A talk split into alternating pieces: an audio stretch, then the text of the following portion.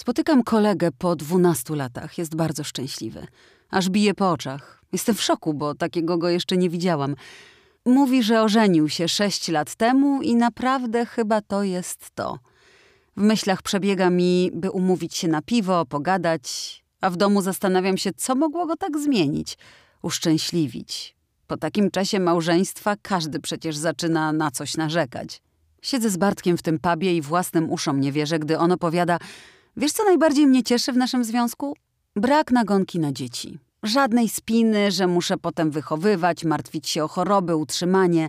Nie muszę, po prostu nie muszę. Monika nie chce dzieci. Ja już myślałam, że takich kobiet to nie ma. Wiesz, jaki był mój brat. Wiesz, ile zabrał rodzicom z normalnego życia. Suma summarum siedzi teraz w więzieniu. W rodzinie wszyscy powinni być równi, ale przeważnie jak tylko pojawią się dzieci, ta teoria szybko się rozpada. Lubię dzieci, ale nie chcę brać za nikogo odpowiedzialności, bo to jest temat już do końca życia. I ja to wiem. Wiesz, że chwilowo wyciszyły mi się napady padaczkowe? Biorę genialne leki, kosztują tyle co w czasy, ale są tego warte. Nie wyobrażam sobie życia pod presją choroby i tworzenia kolejnych pokoleń na siłę.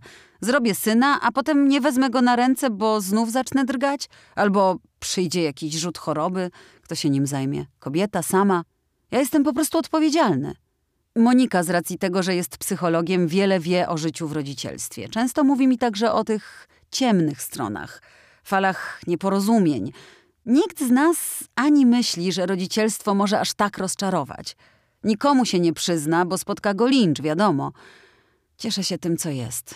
A wokół jest tyle roboty, nie do przerobienia wręcz. Mimo wyciszonej epilepsji śpię spokojnie, bez dodatkowego lęku. I wcale nie czuję się gorszy. Miło zobaczyć szczęście dwojga ludzi. Nie jedna z nas chciałaby do tego wrócić. Niestety mnie czekał powrót do szarej rzeczywistości i stresu, czy jutro ktoś w pracy puści mnie, by zaszczepić dziecko. Inny punkt widzenia nie znaczy gorszy.